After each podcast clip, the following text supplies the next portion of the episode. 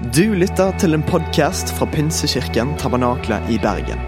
Vi tror at kirken skal være en plass hvor mennesker trives gjennom alle livets faser. En kirke for hele livet. Ønsker du å bli bedre kjent med oss eller holde deg oppdatert? Besøk vår Facebook-side eller ptb.no. Her er ukens tale. Jeg syns jo at Barnekirken har fått et bedre valg akkurat når det gjelder tema. Modig, det liker jeg veldig godt.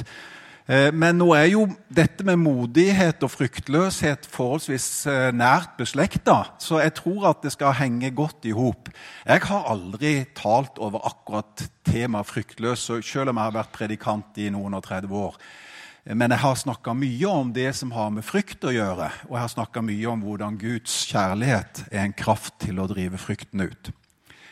Det er jo sånn at Vi som sitter her, er utrolig forskjellige. Det ser jeg når jeg kikker på dere. Alle er pene, men dere er forskjellige. Og så er dere òg forskjellige innenfor skinnet og her inne i hjertet og i sinnet. Vi er forskjellige. Men det er ingen i denne salen som aldri har smakt på frykt, redsel, usikkerhet, utrygghet. Det er felles for oss alle. Heldigvis så tror jeg at de fleste av oss, kanskje alle, har smakt på kjærligheten, godheten, varmen og tryggheten. Men jeg er overbevist om at jeg snakker til hele denne forsamlingen når jeg snakker om frykt, når jeg sier noe om redsel, når jeg sier noe om angst. Og så er jo spørsmålet hva er du mest redd for? Eh, på ungdomsmøtet her så hadde de jo en lang introduksjon om bjørnen, altså den bjørnen som er i skogen. Så det, det er jo mange som er redd for bjørn og for ulv. Spesielt i Oslomarka er de veldig redd for ulv for tida. Jeg hadde ønska meg å møte en ulv, og hadde jeg møtt en bjørn, så hadde jeg jo møtt en slektning. Det hadde vært kjempekjekt. Eh, kanskje ikke, men eh, uansett. Vi har forskjellige ting vi er redd for. Noen av dere har tunnelskrekk. Du unngår å kjøre i tunneler hvis du kan. Det er egentlig veldig vanskelig å bo på Vestlandet og unngå tunneler. Eh, noen av dere, Det verste som kunne skje deg, å få en liten edderkopp i hånda. Du ville dø av angst der og da. Eller en slange som kryper eh, rett ved beina dine når du var på tur i Kongo eller i Kenya eller for den saks skyld i Oslomarka. Du ville ha fått kanskje panikkangst for den saks skyld. Noen av oss trenger ikke mer enn noen centimeter ned for å få høydeskrekk. Jeg skal ikke spørre hvem som får høydeskrekk av en halvmeter, men, og jeg skal ikke utlevere kona mi, men hun går ikke mye i stige, for å si det på den måten. Så det er min jobb. Og jeg har litt høydeskrekk. Jeg har funnet ut at hvis jeg bare holder meg innafor den fallrekkevidden der jeg overlever, så har jeg ikke høydeskrekk. Men med en gang jeg beveger meg over den, liksom på en sånn ja, er det 8-10-15 meter, da er det heller dårlig når jeg går i bakken. Så, så, da kjenner jeg på den, men det går an å øve seg. Noen av dere har vannskrekk. Det er ikke enkelt i Bergen å ha vannskrekk. Eh, det må være en krevende øvelse å leve med det. Det er mye en kan være redd for. Jeg har jo bare nevnt noen sånne litt banale ting som handler om hverdagslivet. Det jeg gjerne vil introdusere her når vi snakker om fryktløs, det er at redsel eh, er normalt. Heldigvis. Nå kan du puste letta ut. Du er normal. Du har smakt på frykten, du har smakt på skrekken, du har smakt på redselen. Det er normalt. Det er veldig mange som opplever det, og alle opplever det i en eller annen form. Derfor er det ganske gjennomgående i hele eh, Gamle testamentet og i Det nye testamentet uttrykket 'vær ikke redd', 'frykt ikke', og du kunne nevne det ene etter det andre av lignende uttrykk. Noen har telt til 365 for at du skulle passe akkurat med alle dagene i året. Kanskje pluss skuddåret. Når jeg prøvde å gå gogle på dette, så var det 274. Men det er ikke så nøye. Det er utrolig mange av disse utsagnene om dette som Jesus ofte sa. Vær ikke redd.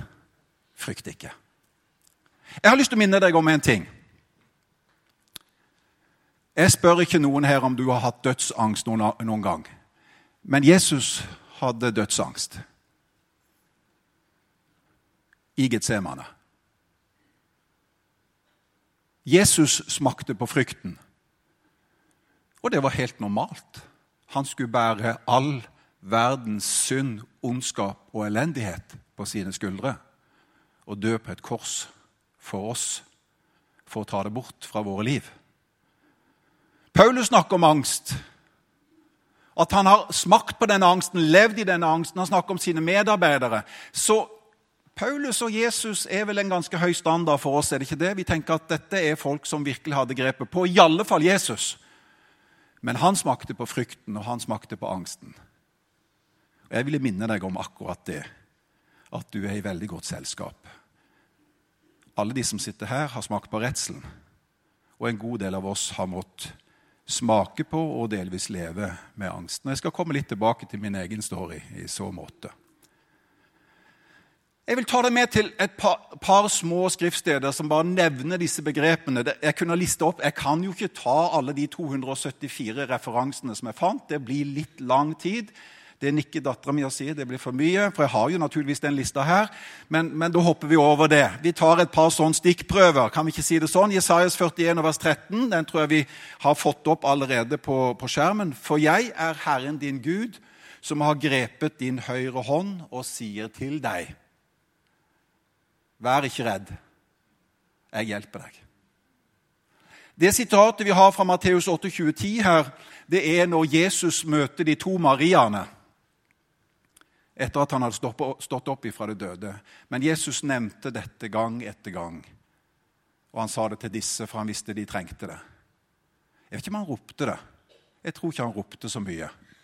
Jeg tror han hviska det eller sa det i en veldig flott toneleie som passa de. Frykt ikke.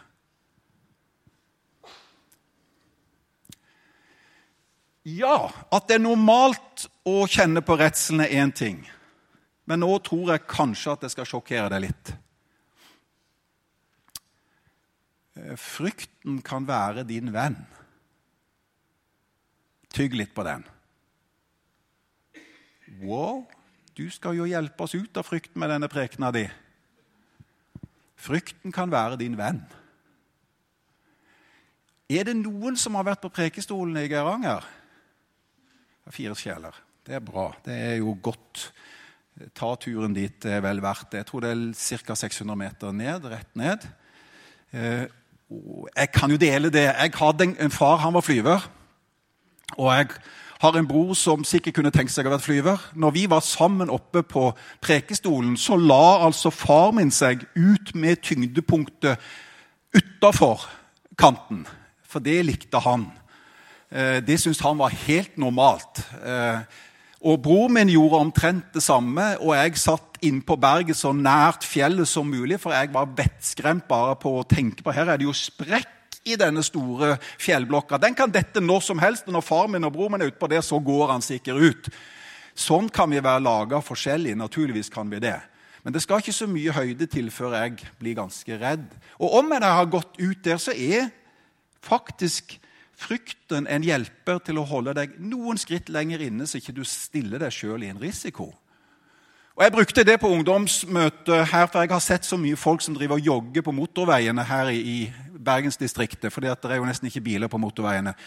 Men kommer det en trailer akkurat sånn fram imot deg, og du er i godt driv med jogginga di, så er det en liten sånn fryktens stemme som sier det kunne vært lurt om du kom deg ut av veien nå, for den traileren kommer ikke til å greie å stoppe før den når brystkassa di. Da er frykten din venn. Dette er små, banale eksempler, men jeg ville bare nevne det for deg at mange ganger så er frykten det lille varselet som forteller oss at her er det fare, her må vi ta oss i akt, her må vi være forsiktige. Og det har du hatt mye nytte av gjennom livet, dere som er eldre og voksne, og det tror jeg dere kjenner igjen, dere som er litt yngre. Det er kanskje i overkant å si at frykten er venn. Men jeg ønsker at du skulle være klar over at jeg tror Gud har gitt oss den lille varsellampa inni oss. Og da må ikke vi tenke at det er forferdelig dårlig.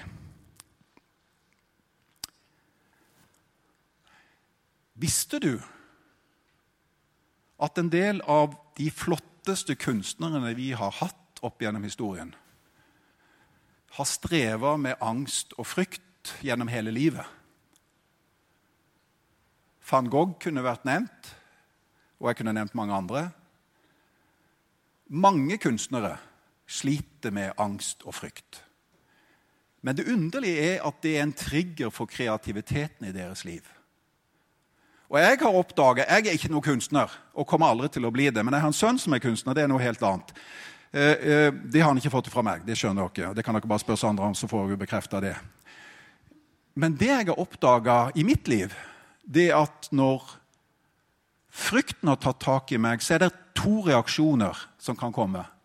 Det ene er at jeg kryper under en stol og håper alt går over, eller under dyna. Det andre er at det er en kreativ kraft som settes i sving for å komme ut av det som handles frykt og angst og vanskelige situasjoner. Og jeg har oppdaget gang etter gang at noe av det mest kreative i mitt liv har skjedd når jeg har vært mest pressa. Nå sier ikke jeg at dette er noe å trakte etter. Verken frykten eller angsten trenger du å løpe etter for å få tak i. Det er ingen av oss som gjør det. Men det kan være noen verktøy for deg for å kunne håndtere den når den dukker opp og banker på døra. Men først og fremst så er frykten jeg skulle snakke om fryktløs, ja. Nå, nå, er jeg kanskje litt på tur, men jeg, jeg tenkte jeg skulle introdusere liksom frykten i, i, i uh, kontrast til fryktløs. Eh, er det helt greit? For jeg kan jo gå rett på det andre. Men eh, Benjamin? Jeg er ikke helt way out ennå. For da vifter du, ikke sant? Hvis det blir liksom helt på bærtur, så ser jeg Benjamin sin hånd, og så kommer han fram og tar over resten av prekena. Det kommer til å gå så det griner. På ungdomsmøtet her på fredag så introduserte jeg dodraugen for dem. Men jeg tror ikke dere har lyst til å høre om det, så jeg hopper over den. Er du sikker, Martha? Ja, men du er inhabil, for du, eh, du heier jo på meg uansett. Ja, men var det bare hun som ville høre om dodraugen? Er det noen som vet hva draugen er for noe? Nei, for dere som er unge, så er det omtrent et slags sånn monster, kan vi kalle det. Kittelsen har, har malt draugen i et tjern. Hvis dere vil gå og søke på nett, så finner dere det. Det er jo én type draug. Men jeg vokste opp på et lite sted. Det var tre hus og var to bebodd. Og vi hadde ikke såkalt vannklosett hjemme hos oss. Og det var en 15-20 meter fra vår, vår utedør eh, til eh, fjøset. Og I fjøset er det sånn at når du har noen kyr Nå snakker jeg jo til byfolk, så jeg må jo ta dette veldig grundig. Eh, så er det jo sånn at når du har dyr, så gjør de akkurat som oss mennesker. De gjør ifra seg et eller annet. Og det samler du i en sånn møkkakjeller eller møkkabing eller hva du nå kaller det for noe. Eh, det er jo helt greit. Men problemet mitt var at utedoen vår hadde hull ned til der som møkkakjelleren var. Og det var tre, to og en halv, tre meter ned. Eh, og jeg kikka aldri ned der, for det tok jeg ikke sjansen på når jeg var guttunge på fem, og seks og sju år. Det var nok for meg å ha mot nok til å få rumpa nedpå og få gjort det jeg skulle, og kommet meg derifra. Fordi at jeg opplevde at det var et eller annet nedi der. Det skrangla jo litt i denne fjøsdøra, og det var et eller annet sånn, så, så jeg tenkte nå kommer det et eller annet opp og tar meg og drar meg ned og dynker meg og drukner meg ned i det på, som vi heter i Rogaland, Fraukjelleren. Det har dere aldri hørt her i, i denne delen av, av, av, Norge. Men eh, det er altså Møkkakjelleren. Hva, er, dette veldig logisk? Tror du at den dodraugen var der? Nei, så naturligvis var han ikke det. Men redselen er jo ikke alltid logisk. Den er oftest ulogisk. Og det er det fine, som jeg har en oppmuntrende hilsen til deg å si. Det meste av det vi er redd for, er ubegrunna redsel. Og om vi hadde fått hjelp hos hverandre og hjelp fra Gud til å sortere ut alt det som egentlig ikke er et grunnlag for redsel, så hadde vi spart oss for mye energi, mange tanker og mange bekymringer. Jeg minner deg om at frykten vår er ikke alltid logisk, men noen ganger er han det. Jeg, har, jeg, burde jo si at Jesus er hovedpersonen i prekena mi, men, men, ja, det er han jo. Men jeg hadde lyst til å, å, lese litt om en av de mest fryktløse personene jeg finner i Bibelen. Ok? Da går vi til Elia. Og det blir et utrolig langt avsnitt jeg skal lese. Vil dere strekke beina mens jeg gjør det, eller vil dere sitte? Går det greit? Kan ikke noen se etter at noen ikke sovner? Så håper vi at dette går bra. Jeg hadde lyst til å gi den i en sammenheng, lese den. For jeg kunne prøve å gjenfortelle den, men hukommelsen min er såpass svak at det er bedre å lese. Da leser vi fra første kongebok 18, og eh, vi leser ifra vers 19, tror jeg det skal være, eh, og en hel del vers nedover. Men send nå bud omkring og la hele Israel samles hos meg på Karmøyfjellet, sammen med de 450 Baal-profetene og de 400 Asher-profetene som spiser ved Jesabels bord. Så sendte Ahab, det var altså kongen, bud omkring til alle israelittene og kalte profetene sammen på Karmøyfjellet. Elia trådte fram for hele folket og sa:" Hvor lenge skal dere halte til begge sider? Er Herren Gud, så følg ham. Er Bal Gud, så følg ham. Men folket svarte ham ikke et ord. Da sa Elia til dem, Jeg er den eneste som er igjen av Herrens profeter. Men av Bals profeter er det 450, og la oss nå få to okser. Så kan de velge seg den ene oksen og dele den opp og legge den på veden, men de må ikke tenne ild på. Og jeg skal stelle til den andre oksen og legge den på veden, men ikke tenne ild på. Så kan dere påkalle guden deres ved navn, og jeg vil påkalle Herren ved navn. Den guden som svarer med ild, han er Gud. Og hele folket svarte, godt, la det være slik. Da sa Elia til Baal-profetene.: Velg dere en av oksene og stell dem til først, siden dere er flest. Jeg vet ikke helt hvorfor den logikken var der. Det var sikkert litt taktisk, men uansett. For dere er flest. Påkall så navnet til guden deres, men tenn ikke ild. Så tok de den oksen han hadde gitt dem, stelte dem til og bal, påkalte Bals navn fra morgen til middag. Svar oss, Bal, sa de. Men det kom ikke en lyd. Det var ingen som svarte. Imens hinket og hoppet de omkring det alteret de hadde reist. Da det var blitt middag, hånte Elia dem og sa, rop høyere. Han er jo Gud. Han er vel falt i tanker, eller han har gått avsides, bare for å nevne det. Så på Bibelens språk så er det å gå på do. Så, så det er jo litt sånn Han mobber de, rett og slett. Han er kanskje på do eller ute på reise. Eller kanskje han har tatt seg en blund. Det er jo ganske utfordrende måte å snakke på, tenker jeg. Jeg syns han virker nesten litt arrogant når han tar den. Men han var fryktløs. Så ropte de andre enda høyere og rispet seg med sverd og spyd som de hadde forsikt til blodet rant nedover dem. Da det led over middag, kom de i profetisk henrykkelse. Slik holdt de på til den tid da grødeofferet ble båret fram. Men det kom ikke en lyd. Det var ingen som svarte, og ingen som enset dem. Da sa Elia til folkemengden, 'Kom hit til meg.' Hele folket gikk bort til ham, og så satte han i stand igjen Herrens alter som var revet ned. Han tok tolv steiner, én for hver av stammene, etter sønnene til Jakob, han som Herren hadde talt til dette ord. Israel skal være ditt navn. Av disse steinene bygde han et alter i Herrens navn, og rundt omkring alteret gravde han en grøft så stor at den svarte til en åker som kan ta to seer såkorn. Han la veden til rette, delte opp oksen og la den oppå veden. Så sa han, fyll fire krukker med vann og øs det utover brennofferet og veden. Og han sa, gjør det en gang til. Så gjorde de det en gang til. Da sa han, gjør det enda en gang. Så gjorde de det for tredje gang. Vannet fløt rundt omkring alteret, til og med grøftene fylte han med vann. Da tiden for grødeofferet var kommet, trådte profeten Elia fram og sa:" Herre Abrahams, Isak og Israels Gud. La det i dag bli kjent at du er Gud i Israel, at jeg er din tjener, og det er på ditt ord jeg har gjort alt dette. Svar meg, Herre. Svar meg så dette folket skjønner at du er Herren Gud, og at du har vendt dette hjerte, deres hjerte til deg igjen. Da for Herrens ild ned og fortærte både brennoffer og veden, steinen og jorden og slikket opp vannet som var i grøften. Da folket så det, kastet de seg ned med ansiktet mot jorden og sa, Herren er Gud. Herren, han er Gud. Elias sa til dem, grip Baal-profetene, la ikke en av dem slippe unna. Da grep de Baal-profetene, og Elia førte dem ned til Kishonbekken og drepte dem. Det er veldig fristende å henge seg opp i hovedtemaet her, som er ilden fra, fra Herren.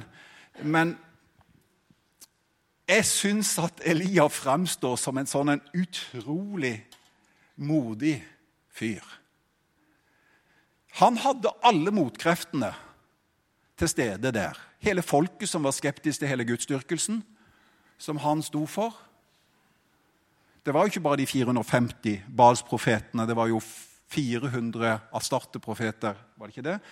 Eh, og eh, altså 850-tall, Og dette var ikke noe hvem som helst. Det var liksom ikke bare noen sånn magerikere som holdt på for seg sjøl. De var ansatt hos dronning Jesabel for å gjøre en jobb og hadde en maktposisjon. Og Ahab, kongen, var der. Han utfordra disse åpenlyst og var Jeg vet ikke hvordan han så ut, men jeg tror nesten han må ha sett selvlysende ut der han sto. Han var så djerv han var så tøff i tonen, han var så tydelig, han var så trygg. Han, det er ingenting i denne teksten som tyder på at han var redd i det hele tatt for at dette skulle gå feil. For det var et ekstremt risikoprosjekt å invitere til en sånn en seanse som dette. Alt kunne gå galt. Ja, vi har jo lyn og torden av og til, men at det skulle treffe akkurat det i rett posisjon til rett tid når han hadde bedt, det skal en god del uttelling for å få til akkurat det. Og det skal enda mer til at både offer og alter og steiner og jord og vann brenner opp ved at Herren, eh, av seg sjøl, uten at ilden kommer fra himmelen. Det er helt umulig, det, i utgangspunktet. Og det hadde han sørga for. Det var jo hele clouet. Det var jo hele eh, hva skal vi si, garantien for at dette var absolutt ikke noe feik i det hele tatt. Han sa få bøtte på bøtte, tønne på tønne med vann utover. Det er ingen som skal være i tvil. Når ilden faller, så er det vår Gud som svarer så tydelig som det går an å bli.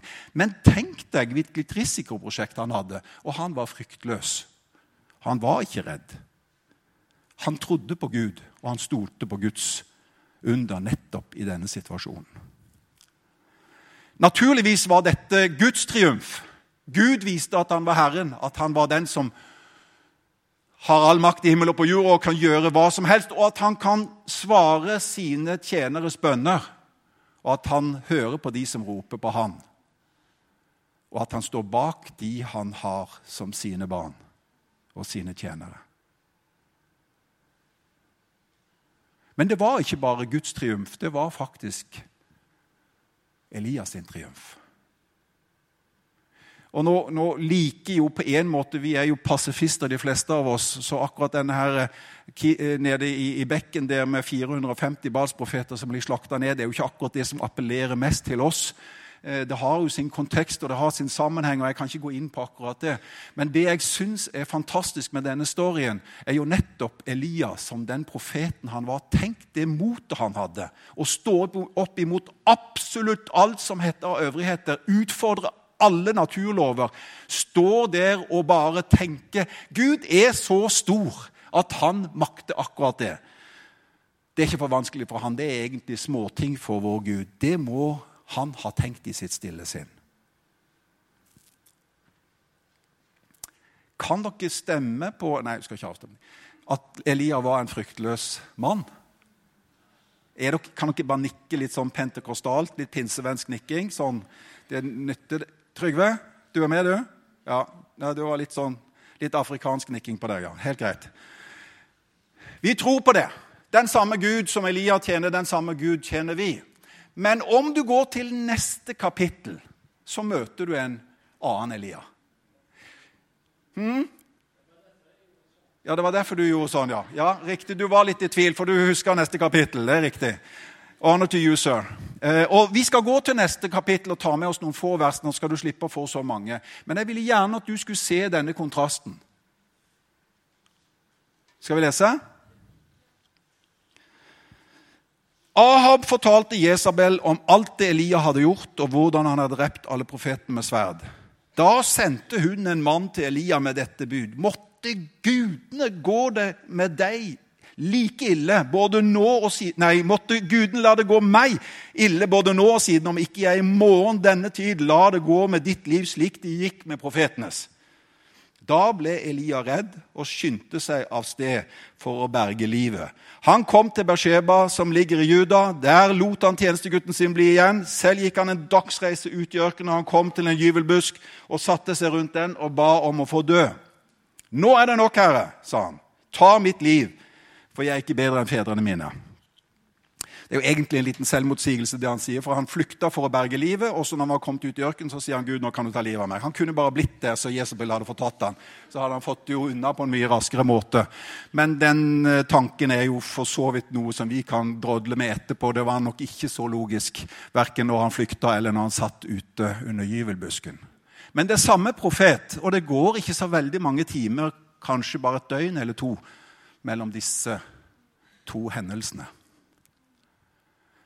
Og jeg tenker at det gjør godt for oss som vanlige dødelige mennesker å se at nesten alle de Gud har brukt, Elia inkludert, har måttet feite med frykten og usikkerheten når det røyner på. Det diskvalifiserer oss ikke for tjeneste i Guds rike. Eh, jeg har blitt utfordra av både dattera mi og, og, egentlig av de som har håper å si, forma denne konteksten med fryktløs, om å være personlig. Jeg var Morgan, jeg var i Farsund, men vi var ikke på samme tid, tror jeg. I, på fellesmøter i 1989. Det eneste stedet som det har liksom vært litt sånn vekkelse når jeg har vært på, på et fellesmøte. Det, liksom, det var kanskje 8-10-12 stykker som ble frelst, og det ble utvidelse. Jeg var litt stolt av det. det ble liksom, Kan du bli ei uke til? Ja, det kan jeg. Eller egentlig kunne jeg ikke det. Jeg var så psykisk syk og så nedslitt og så nedbrutt at jeg sov ikke om nettene. Jeg fikk noen medisiner av de jeg bodde hos, og jeg greide å holde meg gående. Men folk ble frelst, og folk ble velsigna av prekena mi. Og de ba meg å komme igjen ei uke etterpå. Jeg tenkte dette, hva er det som skjer? Jeg er jo på bærtur inni meg. Men det er et eller annet som fungerer utafor. Og det har blitt en påminnelse for meg om at det er egentlig ikke hvor sterk jeg kjenner meg, og hvor modig jeg føler meg, eller hvor tøff jeg er, eller hvor kontrollert jeg er, som er det viktige her i denne sammenhengen. Det er hvilket ankerfeste jeg har i livet. Nå er det sånn at Etter disse fellesmøtene så gikk det bare nedover. I flere måneder og flere år for meg. Og jeg eh, møtte ikke kjellergulvet, jeg gikk gjennom kjellergulvet. Og jeg kan bare si dere det, det er ganske mørkt der nede. Det er veldig mørkt der nede. I alle fall når du ikke ser at det er noen utvei opp igjen. Men jeg har tenkt i ettertid Hvor nær er Gud når vi er høyt oppe, hvor nær er Gud når vi er langt nede?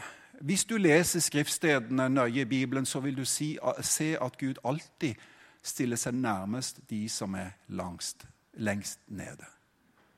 Og Det vil jeg minne deg om denne formiddagen, at sånn er Gud konsekvent. Og heldigvis følger ikke han våre følelsesmessige svingninger. Han har en annen skala, en annen måte å håndtere det på. Så om våre følelser går i hytt og vær, og våre tanker er som et kaos, så er det ikke sånn hos Gud. Han er til stede i ditt liv med akkurat den samme tryggheten, den samme kjærligheten, den samme godheten og den samme frelsen. For jeg tenkte jo at jeg var så gæren i huet og rar i, i knoppen at det går ikke an å verken være pastor eller være frelst. Men det gikk jo an. Funka ikke så veldig godt for meg, men det funka for en del rundt meg. Utrolig nok. Og så har jeg sett hvordan Gud har brukt disse tingene i mitt liv det står om gull og edelstener som er skjult på mørke steder. Og det er et eller annet som jeg har henta ut av de tøffeste tunnelene i livet mitt. For når det er mørkt inni de tunnelene, så ser du ikke helt hva du grabber med deg og får med deg. Du skjønner ikke helt konsekvensen av det.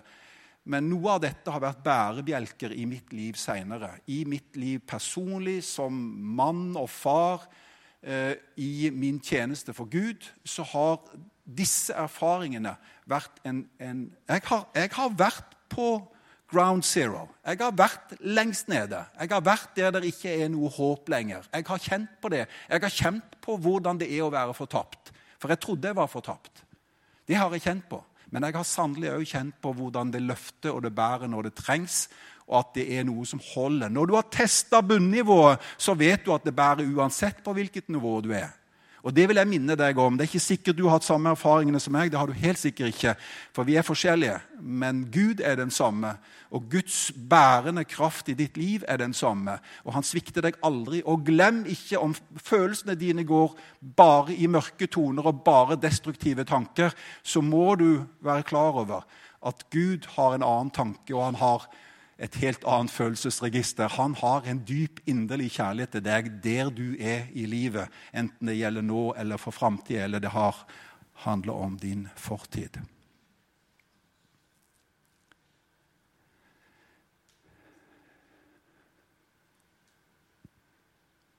Jeg fikk noen tanker. Jeg er ingen morgenfugl. bare for lov, nå, nå bare da skal jeg bare mykle litt opp. sånn det, For det ble jo litt, dette ble litt sånn seriøst, jo ikke det, Linda? Du er ikke helt skremt, men Jeg er ingen morgenfugl. Men i, i, natt så tror jeg Gud vekte meg. Og jeg hører aldri Guds stemme. Men jeg hører Jeg får noen tanker. Det kommer noen ideer. Og jeg kjente at det var ganske tydelig for denne dagen og denne gudstjenesten. Og jeg har tenkt å utfordre mørket denne formiddagen.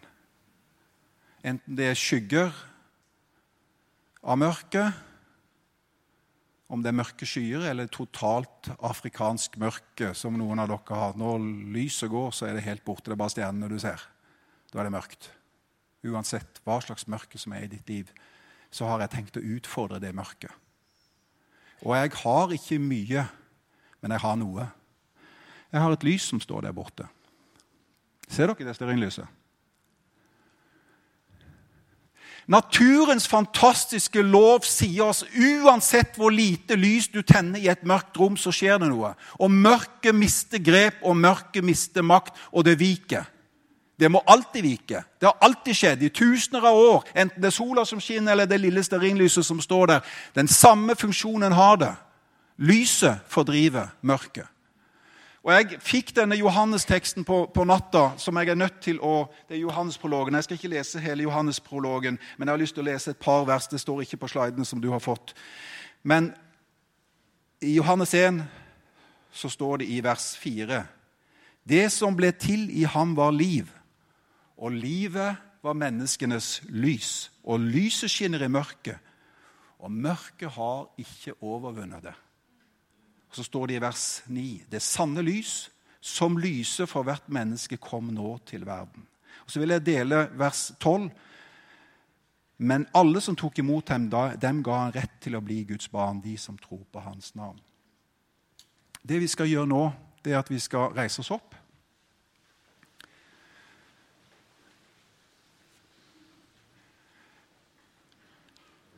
Og du trenger ikke å respondere i det hele tatt det er opp til deg. Men jeg inviterer deg til å konfrontere det som måtte være litt mørke, mye mørke i ditt liv, ved å gå fram, ta et telys, tenne det i det lyset som står der, og la det være symbol på Jesus Kristus og hans lys for deg. Stå med det telyset her borte. Det er mange forbedere som kommer til å være med. Og ikke tenk at nå kommer alle de som er veldig i en vanskelig situasjon, og alt er så trasig. Det er alle de som kommer fram. Der kunne ikke du som tenker ja, det er noen ting i mitt liv. Ja, Kanskje det i familien din er ganske mørkt, eh, mørke framtidsutsikter. Det kan være mange ting rundt deg òg som ikke handler om ditt liv.